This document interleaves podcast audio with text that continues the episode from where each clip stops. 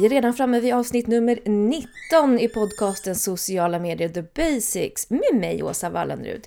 Min hund bjuder på en härlig symfoni i bakgrunden och jag kommer inte att kunna få honom tyst därför att han är väldigt rastlös och tycker att jag är den tråkigaste som finns just nu. Så jag gör det här eh, snabbt och så får ni stå ut med pipandet. Men jag tänkte idag prata lite om eh, det härliga gamla uttrycket skomakarens barn. Det verkar råda någon form av idé och tanke kring att jobbar man med sociala medier som social media manager eller paid social manager, whatever, så ska ens egna privata sociala medier spegla den kunskapen. Och det här vill jag Alltså jag vill verkligen få folk att förstå att det här stämmer inte. Att jobba med ett företags sociala medier som jobbar kanske inom e-handel, utbildning eller liknande. Det är en helt annan sak som att driva sina egna privata kanaler. Det här är superviktigt. Om ni ska anställa en social media manager så ska ni inte börja kolla upp personens privata sociala medier för att se hur hen jobbar med dem. För det är en helt annan sak. De är inte ens i närheten av varandra. Jag till exempel använder alltid mina egna sociala medier för att testa saker.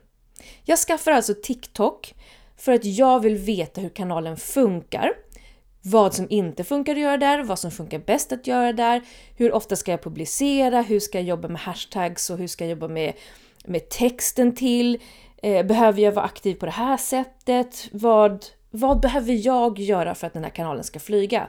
Det betyder att min TikTok-kanal är inte jättestor, därför att jag använder ju den för att testa. Inte för att komma fram till best practice och sen använda det på mig själv. Nej, inte det. Utan då kommer jag på någonting annat. Om jag måste testa om, om jag gör så här då? Och då kanske det går åt skogen. Det är alltså inte ett bevis på att jag inte vet vad jag gör.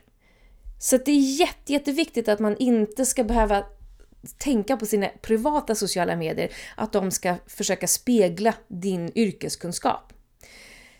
Det här har jag hört flera gånger att folk är lite oroliga över och jag vill verkligen slå ett slag för att nej, ni behöver inte, bry er inte om det. För att när jag jobbade på Blocket så ville inte jag använda deras kanaler under deras varumärke för att ta reda på olika saker, utan jag offrar mina kanaler och mitt namn för att göra det. Och det är så jag jobbar. Vill man inte göra det så kan man ju skapa konton i fejknamn och, och liksom hålla på och labba med innan man börjar använda sin kunskap i företagets kanaler. Det här kan jag också knyta ihop lite till det här det här uttrycket som pratas ganska mycket om just nu har jag sett och det är det här imposter syndrome. För det hör ju lite ihop med det här att om mina kanaler inte är stora, de är inte jätteaktiva, de kanske är lite spretiga, ja men då kanske jag går omkring och bär på en känsla av att jag inte kan och därför drabbas av imposter syndrome, det vill säga de kommer komma på att jag inte kan det här. De kommer titta på mina kanaler och förstå att jag är fake. De kommer absolut inte tro att jag är utbildad inom någonting med tanke på hur mina kanaler ser ut. Det här måste vi försöka ta död på, för det här funkar inte. Vi måste vara bättre på att pusha varandra och ge varandra beröm, samarbeta mer. Vi måste lyfta upp varandra inom den här genren. Det bara är så. Vi är alla jätteduktiga, vi är alla jättekompetenta. Jag menar, jag är 40 plus, när jag var liten fanns inte internet. Så att jag har ju liksom fått växa med, medan många andra som är betydligt yngre än mig idag, de är ju födda med internet och mobiltelefoner och sociala medier.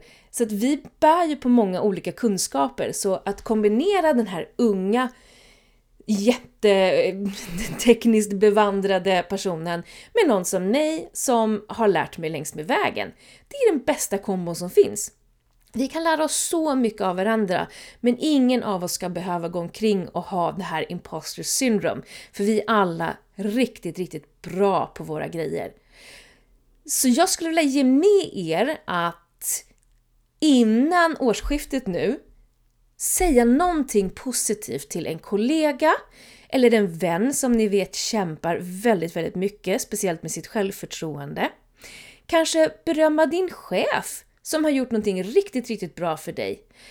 Så snälla, avsluta det här året med att berömma någon, att lyfta någon, att berätta hur bra de är på sitt jobb. Så går vi in i 2023 med, ah, med lite kärlek och med lite lycka och med lite glädje. För det behöver vi alla. Så fuck jantelagen, nu kör vi!